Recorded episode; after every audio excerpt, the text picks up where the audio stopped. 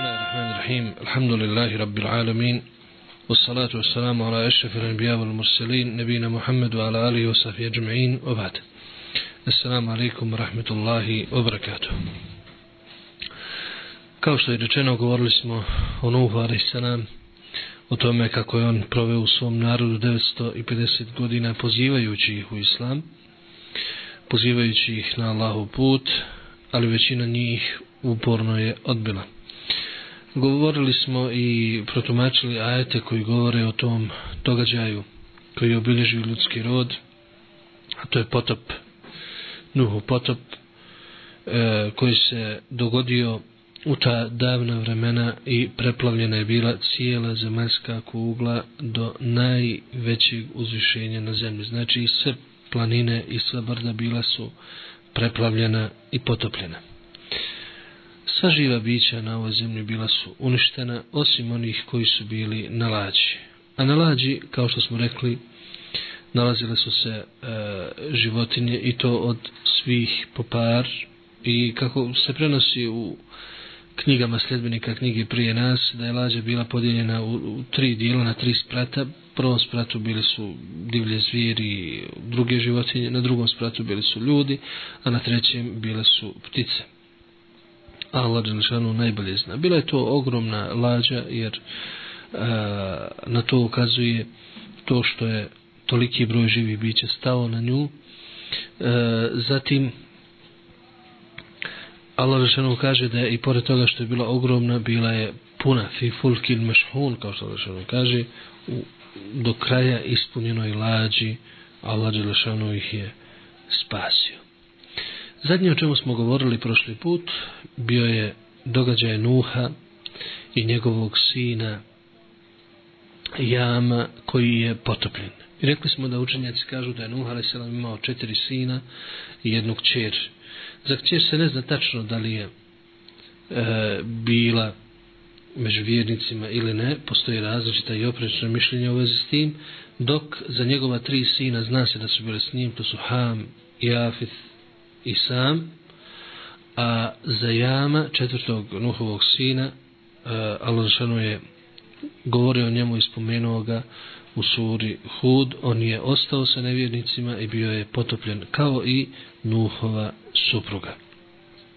Sve nam to ukazuje i uči nas da nikakve veze među ljudima ne pomažu i gube se ako nema imanske veze, ako nema ispravnog vjerovanja.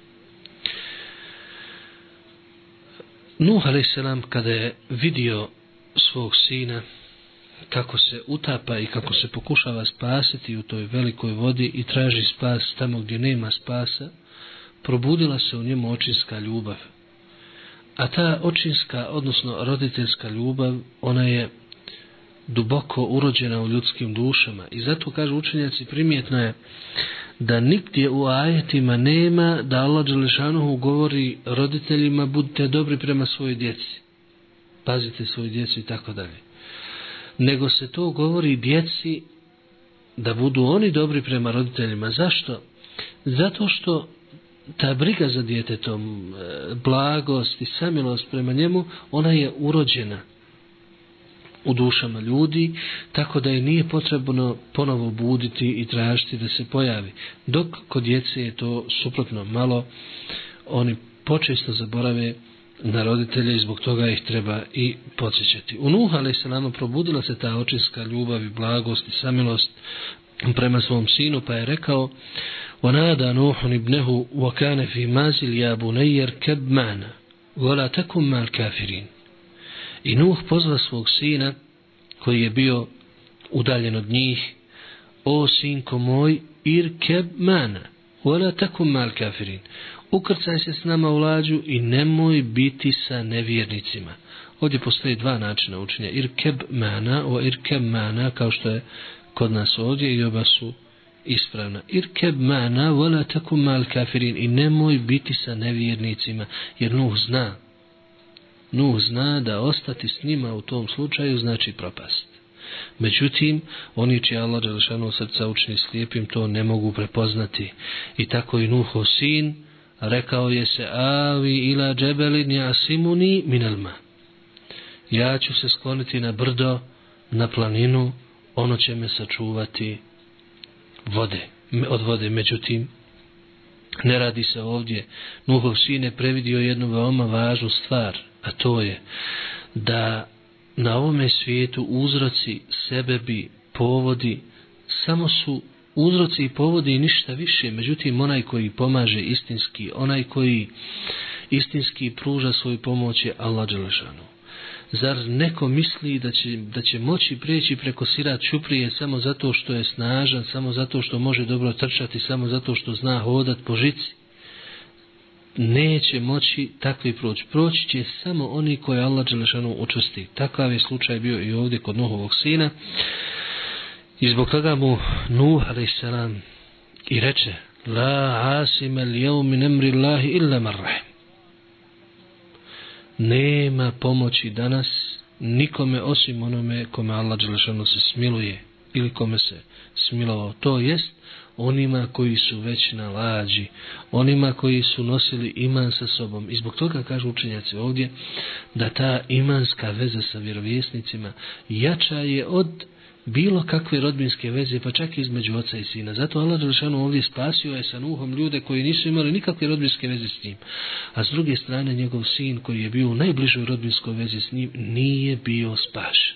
I to je, zato je i naš poslanik, sallallahu alaihi ve sellem, kada mu je došla nakon tri godine objava da javno poziva u islam fasla bima tu'mar wa aridan il džahilin ti javno obznani ono što ti se naređuje i kloni se neznalica izašao je, popeo se na veliko brdo i prozvao sva kurešijske, kurešijske rodove i plemena i porodice, rekavši spasite se, ja vam ne mogu kod Allaha ništa pomoći. Pa je na kraju rekao Fatimi svoje najdražoj kćeri, o Fatima, traži od mene šta hoćeš od Dunjaluka, sve ću ti dati, ali ja ti kod Allaha ništa ne mogu pomoći, zato se spasite spasi, primi islam, primi iman i spasi se na taj način.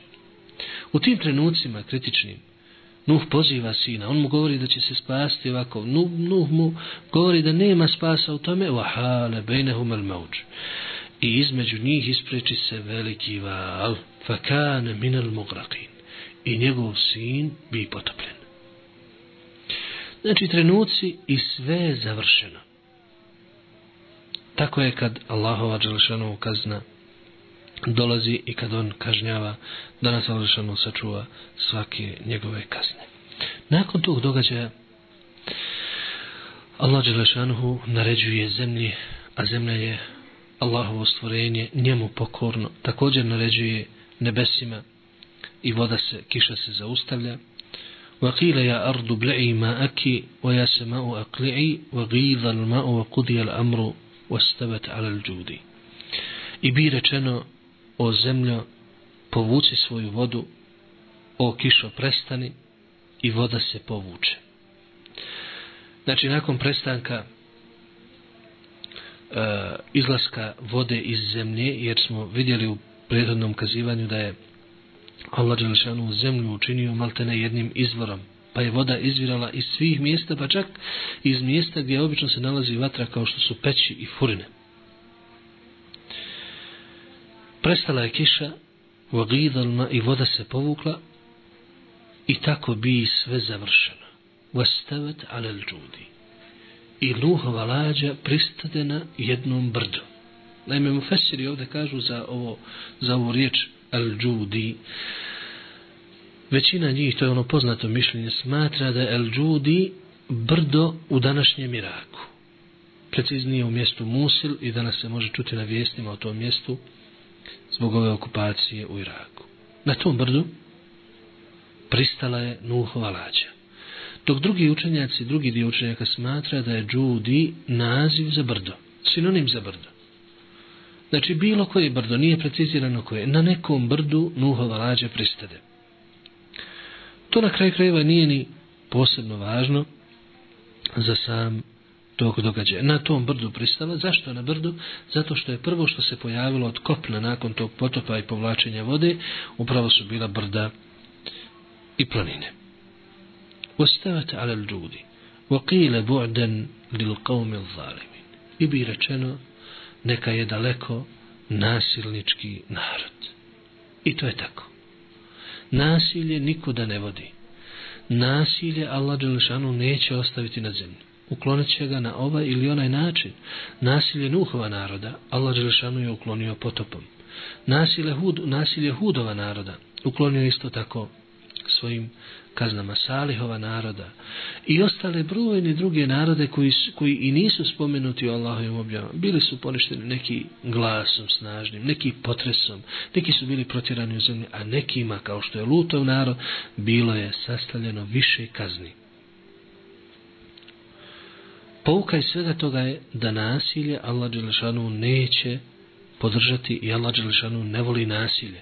Zato je poslanik sallallahu alaihi ve selleme preporučio svojim dajama i učiteljima koje je slao, govorio im je me, takli davot al madlum. Boj se i čuvaj se dove onoga kome je nanesena nepravda, onome kome je učinjeno nasilje, fe inna ulej se bejna hao bejna Allahe hijab. Jer između njegove dove i između Allaha Đelešanu nema nikakve prepreke. U drugim rivajetima se dodaje velev kane kafira. Makar taj bio i nevjernik. Makar bio onaj koji čini obožava drugog, ali ako mu je naneseno nasilje i nepravda i zamoli Allah Đelšanu da ga, da ga pomogne u tom slučaju, Allah Đelšanu će ga pomoći između njega i Allaha nema prepreke u tom smislu, znači između te dove. Zbog toga nasilje je veoma, veoma opasno. Kao što poznanje nam kaže, nasilje će biti tama na kijametskom danu. Kad se sve završilo, lađa pristala. Spominju se ovdje razne priče i događaje biblijska kazivanja u kojima se spominje da je Nuh se nam poslao određenu pticu da nađe pa nije, nije našla, donila ne, ne, ne, nešto ružno, neki leš pa je proklao tu pticu da ne bude među ljudima, to je kao gavran i tako dalje. Pa je poslao goluba, onda golub je donio masinovu grančicu i od tada simbolično golub sa maslinovom granicom predstavlja simbol mira, života, suživota i tako dalje. Znači to su sve biblijska kazivanja koja nisu potvrđena, a nisu ni negirana, Allah Đelešanu zna da li su, da li su bila. Kad se sve to završilo, Nuh Alesanam nije mogao da izbaci sliku svoga sina koji je potopljen. Pa je zamolio Allah Đelešanu i rekao, وَنَادَ نُوحُ الرَّبَّ فَقَالَ رَبِّ إِنَّ إِبْنِي مِنْ أَهْلِي وَإِنَّ وَادَكَ الْحَقِّ وَأَنْتَ أَحْكِمُ الْحَاكِمِينَ I Nuh pozva svoga gospodara i reče, Ja, Rabbi, moj sin je dio moje porodice, a tvoje obećanje je istinito i ti si najpravedniji sudija. Kao da moli Allah Đelešanu da se smiluje njegovom sinu. قال يا نوح إنه ليس من أهلك إنه عمل غير صالح فلا تسألني ما ليس لك به علم إني أعيذك أن تكون من الجاهلين دولزي odlučan odgovor u kome je Nuhu rečeno o Nuhu on nije dio tvoje porodice on nije dio tvoje porodice to što radiš nije dobro djelo innehu amelun gajru sare. Znači to što me moliš za to nije dobro djelo. Po nekim ufesirima innehu amelun gajru sare znači da, da, da tvog sina koji je nevjernik uvedemo i ukrcamo u lađu zajedno s tobom, to ne bi bilo dobro djelo. Jer svi drugi koji su bili nevjernici i oni su potopljeni i to je zadesilo sve. Jer kod Allaha Želešanu postoji vjernik ili nevjernik. U drugom kirajetu stoji innehu amile gajra sale. Tvoj sin nije radio dobra djela, odnosno radio je loša djela, tako da ne dolikuje da on bude s tobom ulađ. Felates elni malejse neke bihel. Zato ne traži od mene ono što ne znaš što ne poznaješ, im ni eidu kem te kunem jel džahlin. Savjetujem te da ne budeš neznalica. Tako Allah Đelšanu odgovara Nuhu na to pitanje. Ovaj propis je bio od Nuh a.s. do posljednjih poslanika Muhammeda sallallahu alaihi ve sellem. Poslanik sallallahu alaihi ve sellem nakon smrti njesvog Amidže Ebu Taliba rekao je da će moliti Allaha Đelešanu dok mu to ne bude zabranjeno. I on je molio, pa je obdošao ajet koji govori da, se, da, da, da, molili 70 puta ili više. Budan se nam je rekao, molit ću i više od 70 puta, a onda je došla konačna zabrana. Uh, da, vjerni, da vjerovjesnik i vjernici ne trebaju i ne smiju da mole oprosta za one koji su nevjernici, kada već znaju da će biti u džehennem. I tada je došla konačna zabrana da se za nevjernike ne smije tražiti oprost i upućivati se dove kad su već umrli kao nevjernici i kada je potvrđeno da će biti stanovnici džehennema. Zbog toga je poslanik sallallahu alejhi ve selleme kako bilježi ima muslim zamolio Allaha Đelešanuhu da moli oprosta za svoju majku, ali nije mu dozvolio. Pa je tražio da, da, da posjećuje njen kabor, pa mu je dozvolio da posjećuje njen kabor. I onda je poslanik za selem često išao na njen kabor i plakao bi, čak bi i Asahave rasplakao tom prilikom. Nuh a.s. na to je samo rekao, Kale rabbi inni a'udhu bike nas'alake ma lejseli bihi ilm, وإلا تغفر لي وترحمني أكون من الخاسرين يا ربي molim te učećem se tebi da tražim od tebe ono što ne znam ako mi ti ne oprostiš i ne smiluješ mi قيل يا نوح اهبط بسلام منا وبركات عليك وعلى أمم ممن معك وأمم, وأمم سنمتعهم ثم يمسهم منا عذاب أليم i bi rečeno o Nuhu izađi, izlađi, spusti se siđi na zemlju s našim selamom i blagoslovom na tebe i na narode koji će doći poslije tebe. Ovdje Nuhu dolazi Bišaret, radosna vijest da će on da će nakon njega i nakon ovoga nastaviti se život na ovoj zemlji, nastaviti ljudski rod svoj, svoj tok sve do određenog, sve do određenog roka. Neki učenjaci kažu da jedino Nuh a.s. i njegovi sinovi imali su potomke, a ostali vjernici kojih je po nekim biblijskim izvorima bilo ne više od 80, po nekim 83, u svakom slučaju malo, kao što Lešanu kaže, o mamene mahu illa kalil, a vrlo malo njih je povjerovalo u Nuha. Oni su nastavili ljudski rod i svi ljudi nakon Nuha potiču od njega, odnosno njegovih sinova. Dokaza to je ajet u kojem kaže وَجَعَلْنَا ذُرْدِيَتَهُ هُمُ الْبَقِينَ I mi smo njegovo potomstvo učinili da ostane ono koje će nastaviti ljudski rod. I zbog toga Nuh ali se nam i nazivaju drugi Adem, a neki ga nazivaju mali Adem. Znači Adem ali se nam je začetnik ljudskog roda uopće, a Nuh ali se nam je začetnik ljudskog roda nakon potopa alehima. Assalamu. Kaže Rešanu nakon ovoga, tilke min emba il gajbi nuhiha ilajk, ma kunte ta'lamuha ente vala qavmuk min qabli hada, fasbir inna l'aqibata lil muttaqin. To su vijesti iz prošlosti koje ti mi objavljujemo, kaže Rešanu u poslaniku sredom, ti nisi za njih znao, ni ti, ni tvoj narod prije ovoga, zato se strpi, jer u istinu završetak pripada bogobojaznima vjernicima. Znači, Allah nakon ovoga poslaniku sa osrlame kaže kao vid utjehe. I mi smo rekli da jedna od, jedan od ciljeva kuranskih kazivanja jeste upravo utjeha poslaniku, a i vjernicima nakon njega, da u istinu mi zaključujemo iz tih kazivanja da završetak, sretan završetak, pripada nikome drugome do vjernicima i bogobojasnima. Što se tiče pouka i koristi iz kazivanja o Nuhu a.s. iz njegovog života, one su u istinu brojne. Neki smo već spomenuli u toku govora o Nuhu a.s. i njegovom narodu, a neke ćemo sada spomenuti u kratkim crtama. Prvo, Nuh a.s. je prvi poslanik na zemaljskoj kugli. Rekli smo da je Adam a.s. bio vjerovjesnik, a nije bio poslanik. I rekli smo da Učenjaci kažu da je razlika između vjerovjesnika i poslanika to što je vjerovjesnik dolazio muslimanima, a poslanik nevjernicima. Znači prvi poslanik koji se pojavio među nevjernicima bio je Nuh Alehsana. Jer vidjeli smo da između Adama Alehsanama i Nuha, pojave Nuha bili su, bili su generacije, deset generacija kako se spominje u hadisu ili e, hiljadu godina po drugim učenjacima prošlo je, a ljudi su bili na ispravnom vjerovanju, bili su muslimani, obožavali su jedino Allaha Đalešanu. I vidjeli smo da nakon smrti onih dobrih ljudi u narodu i pravljenja kipova u njihovim oblicima kako bi se podsjećali na njih i na njihovi badet, došle su generacije koje je šeitan zaveo do te mjere da su počeli obožavati te kipove e, pod izgovorom da su to kipovi koji su njihovi preci obožavali. Vidite kako jedno neznanje povlači drugo i odvodi, odvodi u zabludu. I po tako je počelo prvo obožavanje tih kipova. Interesantno je, interesantan je historija tih kipova i on se, oni su se zadržali do našeg poslanika Muhammeda sallallahu alaihi wa sallam.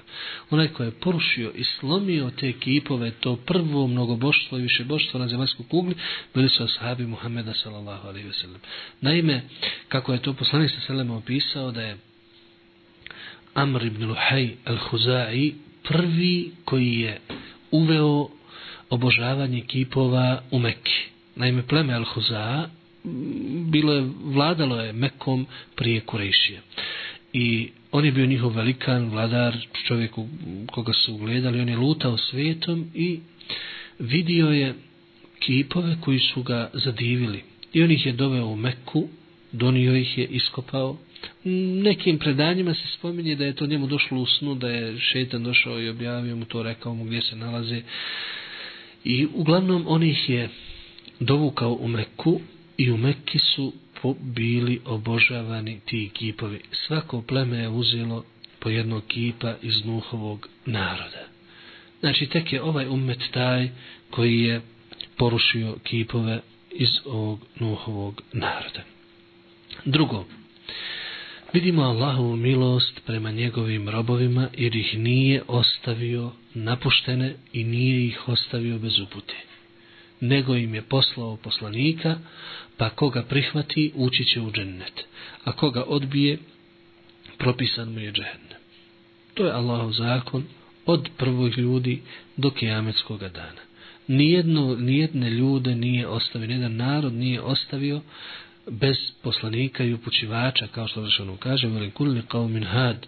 Svaki narod je imao svog upućivača, to jest poslanika koji ih izvodio na pravi put. Treće, vjera je srž života i osnovni cilj kao što Allah šanu kaže oma hlaktul džinne val insa illa li abudun a džine i ljude stvorio sam samo da bi me obožavali to je svrha i ljudi kada promaše taj cilj promašili su život i njihov život nema više prave istinske vrijednosti samo ovaj život sve ovo što je stvoreno u čovjeku oko čovjeka, sam čovjek ovaj svijet oko nas zar je moguće da čovjek shvati i, i misli da je to stvoreno samo da bi on napravio kuću, sagradio kuću, zaposlio se i na kraju toga umro i ništa više da ne bude. To nema logike čak ni po nekakvim ovozemaljskim rezonima. Normalno je da sve ovo što je oko nas stvoreno, sav ovaj život, stvoreni svijet oko nas, ukazuje na nešto veće, veličanstvenije, vrednije od ovoga svega.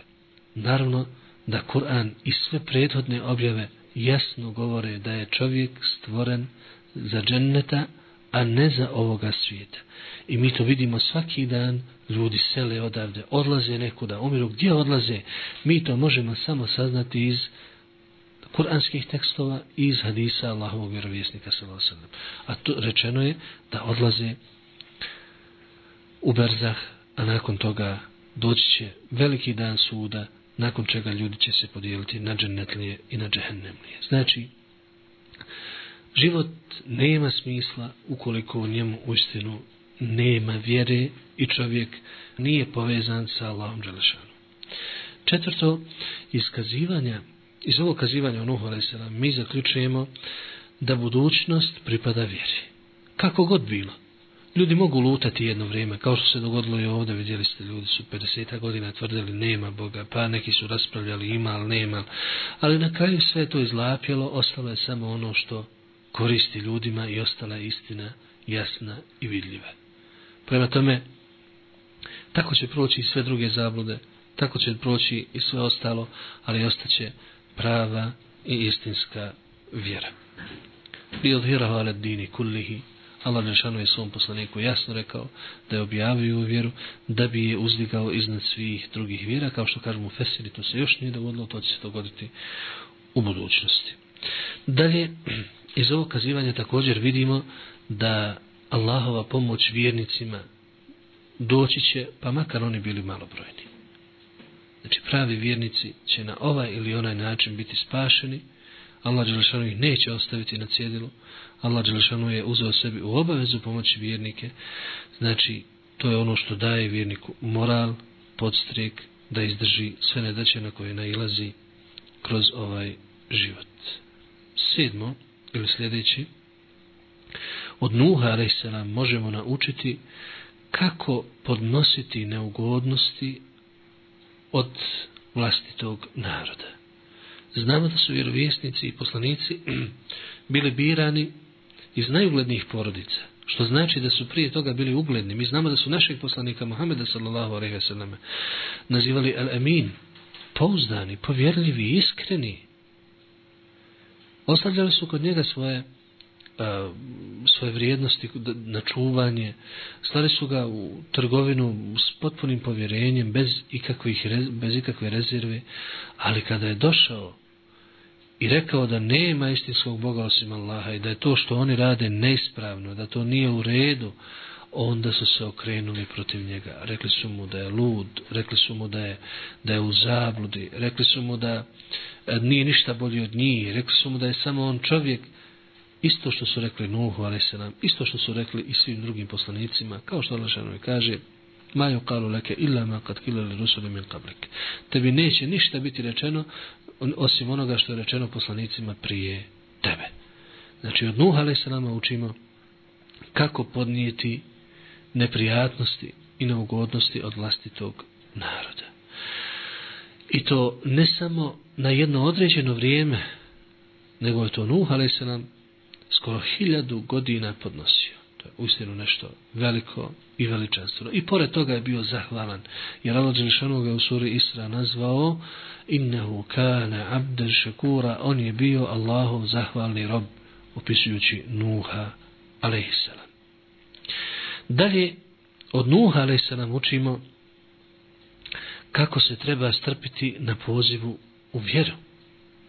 Znači Nuha alaihissalam je pored svih tih pritisaka i pored toga što ljudi koji su ga prihvatali bili su malobrojni. Rekli smo, biblijski izvori govore oko 80 ljudi, 83, najveća cifra koja se spominje. U nekim predanjima čak se spominje 13 ljudi. Prema tome nije važno, cifra je bila mala, dovoljne su Allahove riječi u kojima stoji وَمَا آمَنَ مَهُ إِلَّا قَلِيل A onih koji su povjerovali njega bilo je vrlo, vrlo malo. I pored toga Nuh, ali se nam je strpljivo prenosio da govorio, pozivao danju, noću, tajno, javno. Nije se umarao, nije zastajao. Na razne načine, učimo od Nuha Resedan također, razne načine poziva u vjeru. Tako da čak neki učenjaci mu fesiri nazivaju suru Nuh, sura Dave. Sura poziva, kako treba pozivati u davu?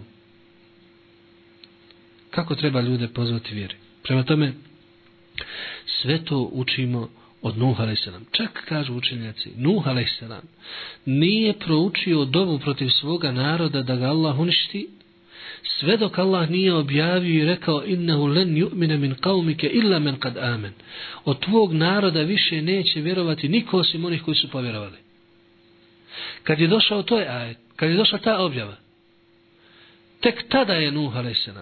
vidio da nema više nade i zamolio je Allaha Đelešanu da ih uništi. Znači, Nuh A.S. nam nije dovio da ih uništi prije te objave. Nego kada je već bilo rečeno da neće više niko, ni jedan čovjek povjerovati, tek tad je rekao, Rabbi, la tadar al ardu min al kafirine da jara. Ja, Rabbi, ne ostavi na zemlji ni jednog nevjernika.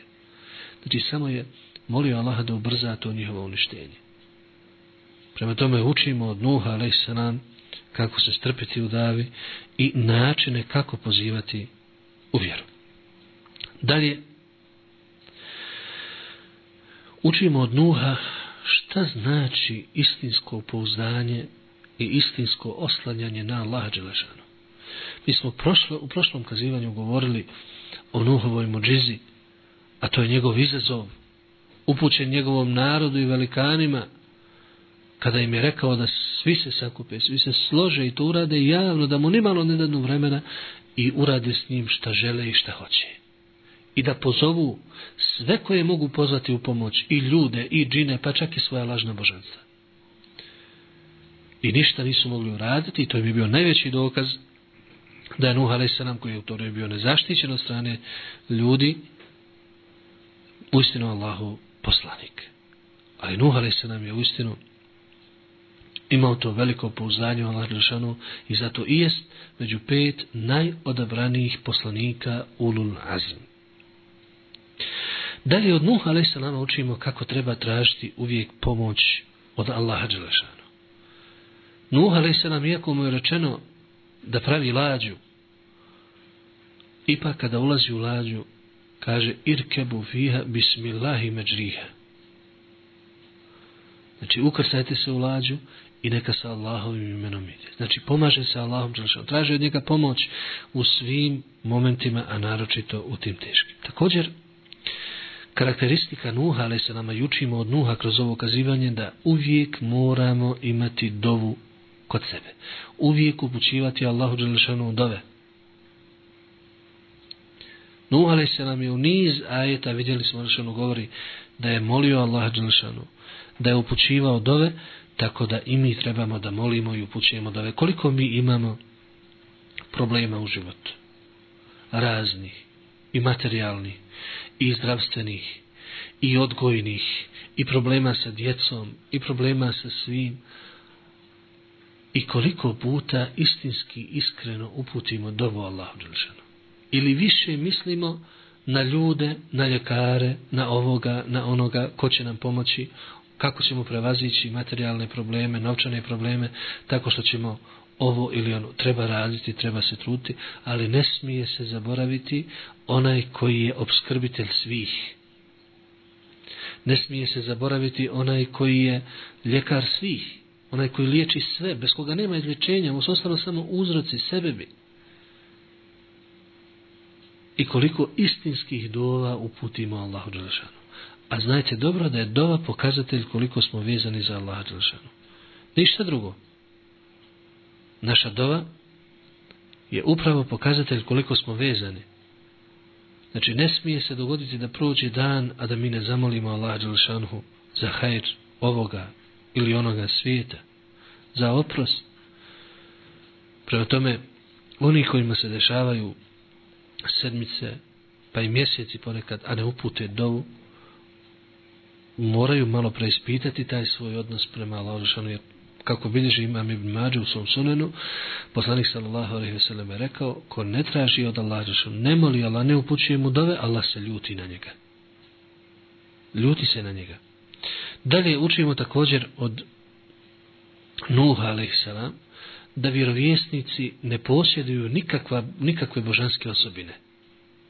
Nuh alaihi sallam, kada mu je njegov narod rekao, on je njima jasno rekao, da ne posjeduje nikakve Allahove riznice, da ne posjeduju nikakvu moć da im da kaznu, nego je rekao, to je kod Allaha Đelešanu, ako on hoće kaznit će vas, ako neće, odgodit će vam tu kaznu.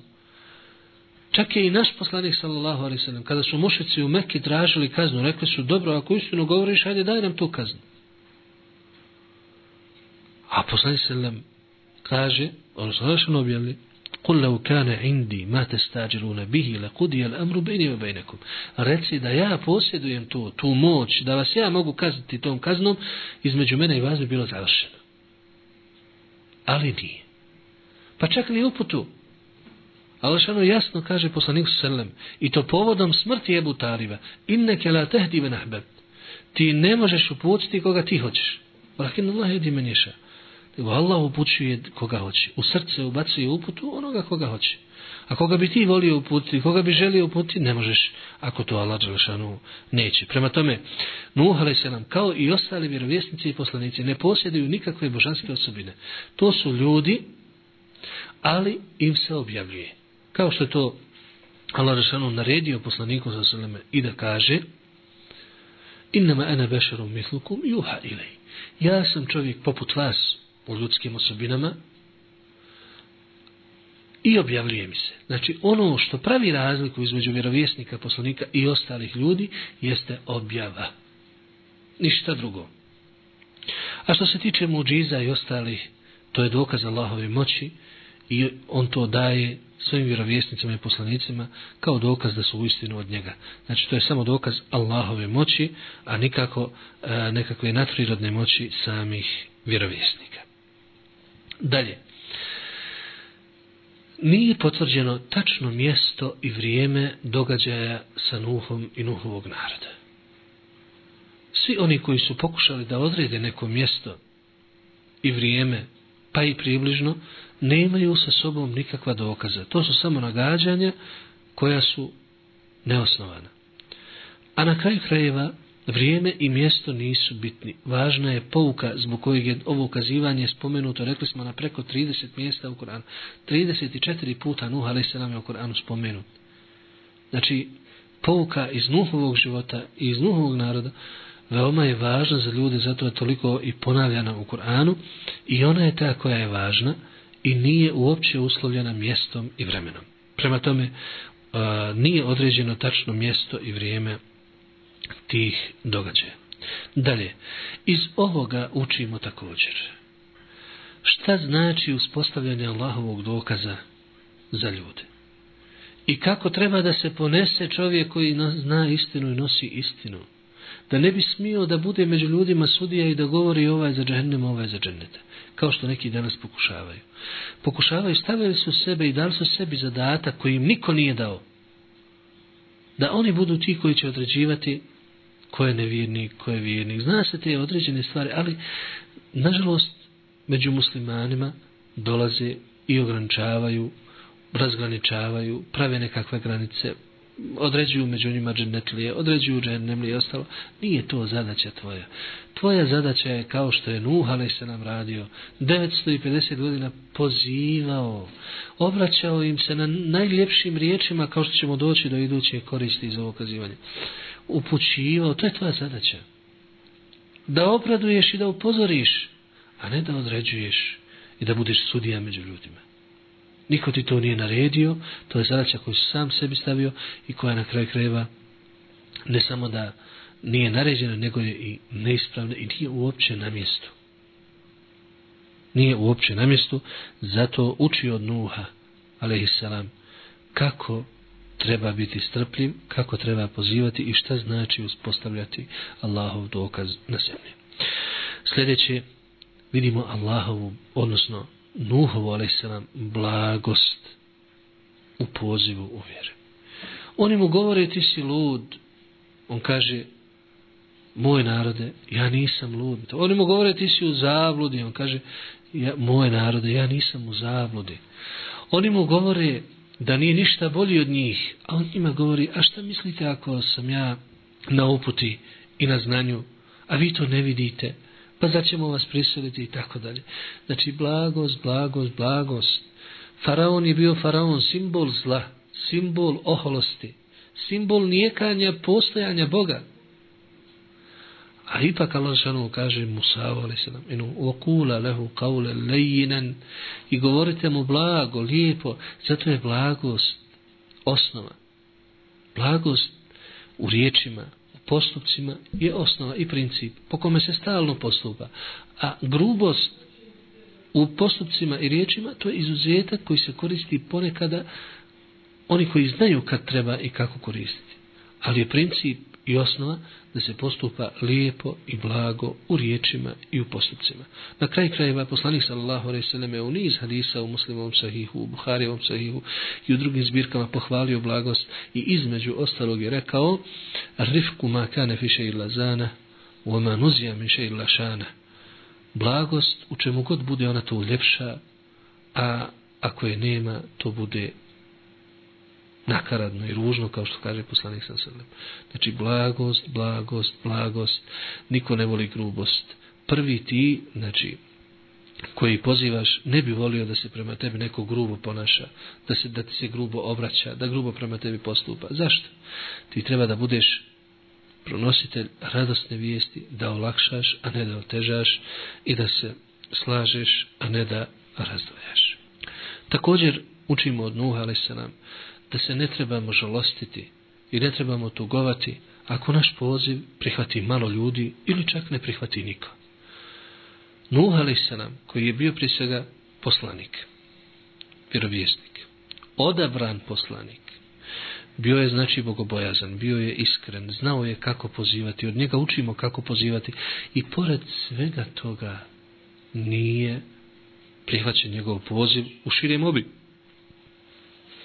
Njegov poziv su prihvatili nekoliko, nekolicina ljudi koji su bili isto tako izloženi raznim maltretiranjima kao i Nuh Ali pored toga nije gubio nadu, stalno je pozivao i tako i mi Ne trebamo se žalostiti i tugovati ako će neko prihvatiti naš poziv ili neće. Ono za čim trebamo da tugujemo i da se žalostimo, ako mi ne uradimo što je potrebno i ne uradimo koliko možemo na tom putu i na putu dave. To je ono o čemu mi treba da vodimo računa. Da li smo dali svoj maksimum u toj želji da dostavimo dobro do ljudi. Ako smo to uradili, nije na nama ostalo. Allah Đelešanu upućuje koga hoće od svojih robova. Zato poslanik sallallahu alaihi sallam u hadisu koji su zabilježili imami Buhari, muslimi i drugi, kaže da će na skijametskom danju doći vjerovjesnik sa kim neće biti nikog. Ojeti nebiju alejse mahu ahad. I doći će neki vjerovjesnici na kijametskom danu pred Allah Đelešanu, a neće s njima biti nikoga ni, ni jedan čovjek nije prihvatio poziv. Biće takvih vjerovjesnika. Ali neće oni biti odgovorni za to. Njihovo je samo da dostave, obraduju i opomenu, a hoće li biti prihvaćeni ili neće, rekli smo, nije njihova briga. Koristi povuka, dersova, iskazivanja Nuhu se nam je uistinu puno više od ovoga što smo mi spomenuli. Ostavljamo vama da iščitavate ova kazivanja, da kada čitate Kur'an i čitate ovim događajima, da razmislite, vidite i nađete, jer uistinu od beričita Kur'ana je da svaki put kada čovjek pročita nešto iz njega i razmišlja o tome, zaključi nešto novo, ukaže mu se nešto novo, shvati stvar drugačije nego što je mislio da jest, zbog toga nemojte uskraćivati sebe tog velikog hajra i dobra. قولوا قولي هذا واستغفر الله وصلى الله على نبينا محمد